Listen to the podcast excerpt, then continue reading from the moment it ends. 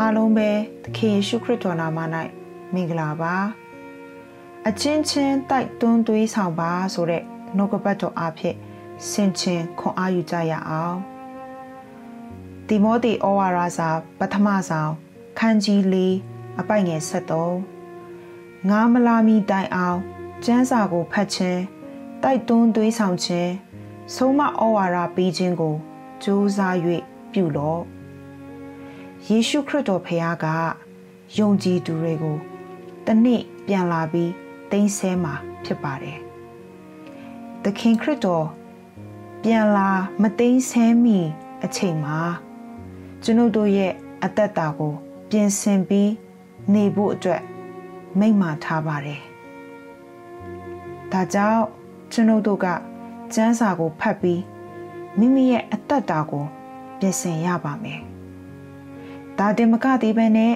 တယောက်နဲ့တယောက်တိုက်တွန်းသွေးဆောင်ခြင်းဆုံးမတိဆောက်ခြင်းတွေကိုစူးစမ်းပြုမှုပြီးတော့အသက်ရှင်နေရမှာဖြစ်ပါတယ်။ဒါကြောင့်ဒီနေ့ပဲကျွန်ုပ်တို့ရဲ့အသက်တာမှာလက်တွေ့ဆုံးဖြတ်ချက်ချရအောင်။ကျွန်ုပ်တို့ရဲ့အသက်တာမှာကျမ်းစာဖတ်ခြင်းတိုက်တွန်းခွန်အားပေးခြင်းဆုံးမခြင်းတွေအားဖြင့်အသက်တာကိုစူးစမ်းပြင်ဆင်ပြီး ဖះကိုမျှော်လင့်ရအောင်ဆုတောင်းကြပါစို့အဖဖះယုံကြည်သူများရဲ့အသက်တာချမ်းမှာကျမ်းစာကို ကိုယ်တိုင်ဖတ်တတ်တော်သူတွေဖြစ်စေပါတယောက်နဲ့တယောက်နှုတ်ကပတ်တော်အားဖြင့်တိုက်တွန်းခွန်အားပေးတတ်တော်သူတွေနှုတ်ကပတ်တော်အားဖြင့်ဆုံးမပြီးအသက်တာကို ပြင်ဆင်တော်သူတွေဖြစ်စေပါအဖ ကျွန်ုပ်ရဲ့အသက်တာကိုကိုရိုရဲ့လက်တော်ထဲမှာအနံပါတယ်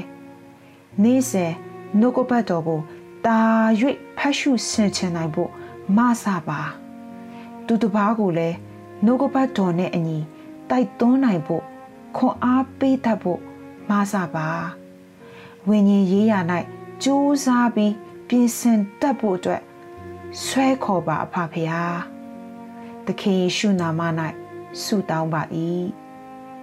အာမင်